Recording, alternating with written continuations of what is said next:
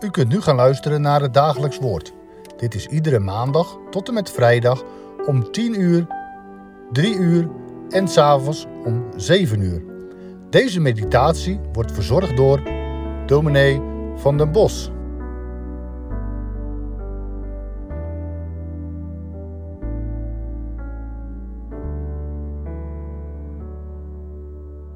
Lees enkele verzen uit Marcus 14.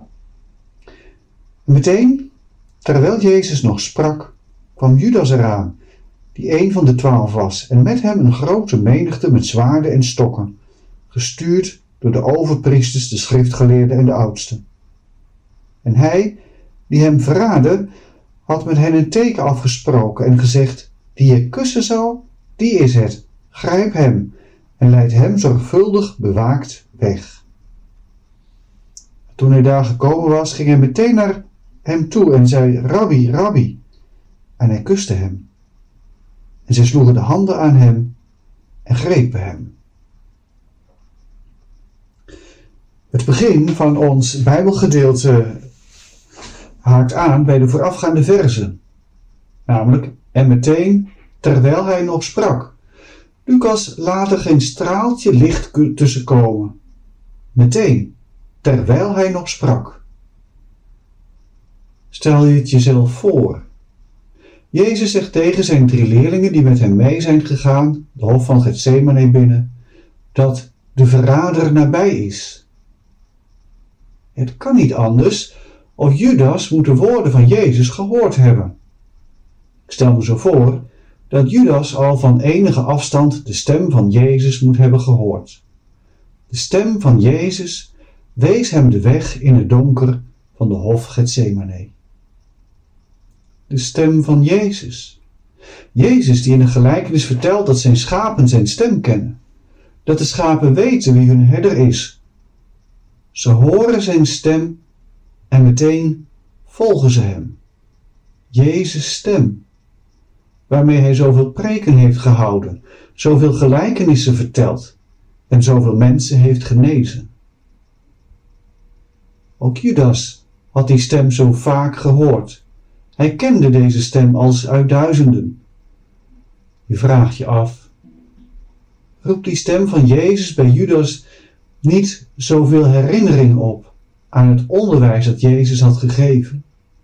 Roept de stem van Jezus bij Judas dan geen herinnering op aan de wondertekenen die hij had gedaan?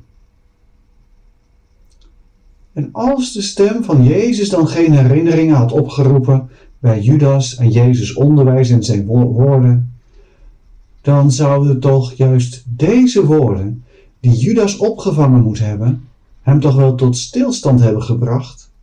Dan zullen deze woorden Judas toch wel tot bezinning hebben doen komen? Hij, de verrader, is nabij. Judas had in het donker van de hof van Gethsemane toch moeten beseffen dat hij helemaal op de verkeerde weg zat, nu hij met een groep tempelwachten, gewapend met zwaarden en stokken, op weg was om Jezus gevangen te nemen. Ja, de woorden die Jezus sprak, Hij die mij verraadt is dichtbij, waren natuurlijk gericht tot de leerlingen van Jezus die dichtbij hem waren, Petrus, Jacobus en Johannes. En ze lieten zien dat Jezus niet zomaar iets overkwam, iets wat Jezus zelf ook niet voorzien had. Nee, Jezus kondigt stap voor stap aan wat hem zal overkomen. Geen noodlot dat hem treft, maar een weg die Jezus doelbewust opgaat. Die woorden die Jezus spreekt zijn een laatste appel. Een laatste appel aan het adres van Judas. Jij bent het. Jij zult mij verraden. Besef dat dan. Nu kun je je nog terugtrekken. Nu kun je er nog van afzien. We weten het vervolg. We lazen het al. Judas loopt op Jezus toe en geeft hem een kus. Het signaal dat Judas al met de menigte tempelwachten had afgesproken, om zo aan hen duidelijk te maken wie ze moesten pakken. Kort, En bondig schrijft Marcus, en zij, dus die tempelwachten, sloegen de handen aan hem en grepen hem. Ja, zij, die tempelwachten. Ik kan me goed voorstellen dat meerdere van hen Jezus wel kenden. Als Jezus verhoord en beschuldigd wordt, zal hij zeggen dat hij vele malen in de tempel kwam en daar had onderwezen. En je herinnert je de geschiedenis waarbij Jezus de tempel had schoongeveegd. Schoongeveegd van alle handel die in het huis van gebed werd bedreven. Velen zullen Jezus gekend hebben. Velen zullen net als Judas zoveel onderwijs van hem hebben ontvangen. En velen zullen zijn wonderen hebben gezien of er zeker van hebben horen vertellen. Ook zij horen die laatste woorden van Jezus. Hij die mij verraadt, is nabij. Weet je, Judas en de tempelwachten lijken wel doof. Doof voor de stem van Jezus. Als ik hierover nadenk, komt die vraag op mij af.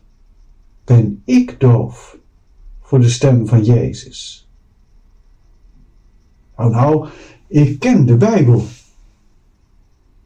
Goed, Bijbelkennis kan natuurlijk altijd nog beter, maar zeker de grote lijnen kan ik wel uittekenen. Woorden waarin God tot mij spreekt, de liefdevolle stem van mijn heiland. Die boodschap dat hij zoveel van mij houdt, ja, die boodschap ken ik. Toch die vraag: ben ook ik niet doof voor de stem van de heiland? Ben ik doof voor zijn stem als ik mijn eigen weg wil gaan? Als ik kies voor eigen belang in plaats van het welzijn van een ander? Als ik kies voor mijn eigen faam in plaats van de eer van God? Als ik kies voor de makkelijke weg in plaats van de weg van lijden die hoort bij het christen zijn? Ben ik dan niet net als Judas? Ben ik het dan niet die Jezus verraadt? Als ik deze geschiedenis lees, dan merk ik hoezeer ik de hulp van Gods goede geest nodig heb om wel die liefdevolle stem te horen en te gehoorzamen. Een paar minuten geleden merkte ik op dat de leidersweg Jezus niet overkomt, maar dat Jezus laat zien dat hij zelf doelbewust deze weg zal gaan en stap voor stap weet wat er gebeuren zal. Als ik dat vasthoud en deze geschiedenis opnieuw lees, dan verwonder ik mij. Dan verwonder ik mij erover dat Jezus, terwijl hij weet dat hij verraden zal worden, die woorden luid en duidelijk uitspreekt. Op het juiste moment. Op het moment dat Judas met zijn bende zo dichtbij is. Doelbewust gesproken om nog een laatste oproep aan Judas te richten. Dat is Jezus. Zo is mijn heiland, zoveel liefde. Telkens weer die roepstem, die stem waar hij jou en mij mee laat weten hoeveel hij van ons houdt. Juist wanneer je je eenzaam voelt en denkt dat niemand naar je omziet. Telkens weer die liefdevolle stem die jou en mij vertelt dat hij onze schuld gedragen heeft Juist wanneer de last van de zonde je overvalt en je jezelf vertwijfeld afvraagt of er voor jou nog vergeving mogelijk is. Telkens weer die liefdevolle stem, juist op dat moment dat verleiding op de loer ligt. Mijn kind, jij hoort bij mij. Wat een heiland. Ook vandaag bid ik Gods geest, help mij om goed te luisteren, om deze liefdestem te verstaan. Laten wij samen bidden. Heer onze God, we danken u voor de woorden die we mochten lezen uit de Bijbel. Uw woorden, woorden waarin u tot ons spreekt. Heer God, wat een liefde, wat een liefde had Jezus, uw zoon ook voor Judas. daar in de hof van Gethsemane, toen hij wist dat Judas hem zou verraden. Die woorden, opzettelijk, op dat moment gesproken, om Judas tot bezinning te laten komen, om Judas te laten beseffen op welke weg hij was gegaan. Heere God, wij danken u dat u zo vol liefde bent en dat u telkens op het juiste moment spreekt, juist wanneer wij twijfelen, juist wanneer wij verdriet hebben, juist wanneer wij op het punt staan toe te geven aan verleiding, te vallen voor de verleider. Wij bidden u Help ons om uw stem te horen. Geef ons uw Heilige Geest. Vandaag en morgen. Amen.